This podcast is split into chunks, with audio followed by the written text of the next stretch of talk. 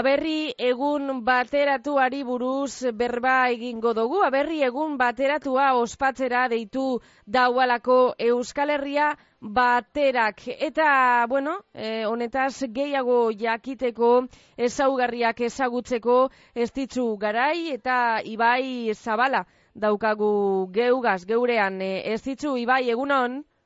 Egunon. Egunon bai. Egunon, bueno, e, gehiago jakiteko kontaigu zue, adibidez, e, Ibai, e, zein da aberri egun bateratu hau ospatzeko helburua?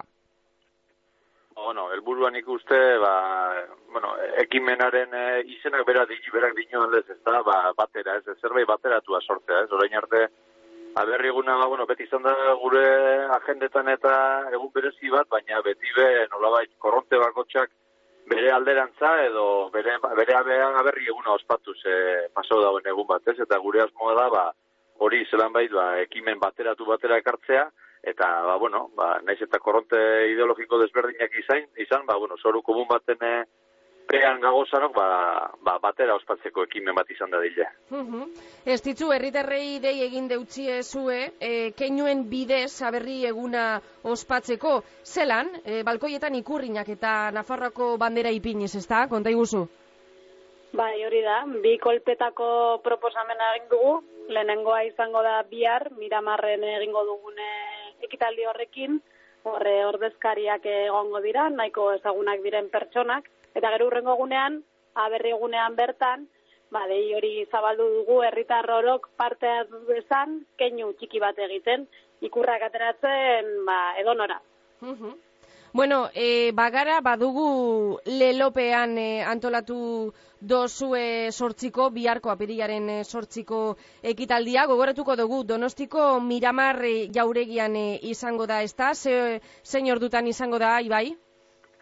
Bo, ba, ekitaldia bera, bueno, ikuste konbidatuak eh, amarter diguetan edo helduko dira, ba, bueno, behin jende heldutako, ba, orduan eh, egiko dugu ekitaldia amaika gueltan edo suposatzen dut.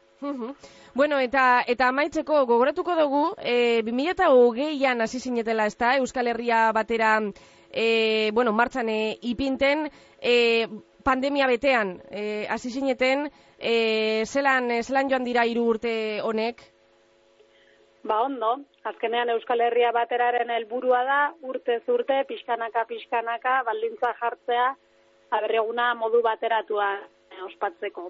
Orduan lehenengoa izan zen 2008ko ura, etxean konfinatuta geundela, ba hori keinu bateratu bat ere egiteko deialdi egin genuen eta keinu hori izan zen hori ba alkoietan ikurra jartzea eta hiru kanta batera ospatzea.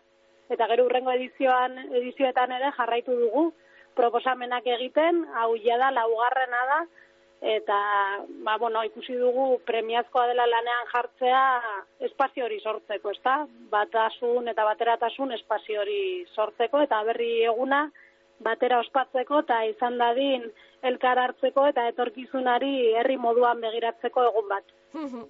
Ederto, ba, mesu honegaz, e, geratuko gara, gogoratuko dugu bihar apirilaren sortzian, hor, e, donostin, ba, bueno, e, ekitaldia dagoala, e, eta bagara badugu lelopean e, izango ondala. Ez ditzu garai eta ibai zabala, eskerrik asko e, hemen egotea gaitik geugaz. Eskerrik asko zuei eta ez hartu keinu hori batera egitea eta berri eguna ospatzea. Ederto, eskerrik asko bioi. Agur. Agur. Bueno, agur, agur. Bai.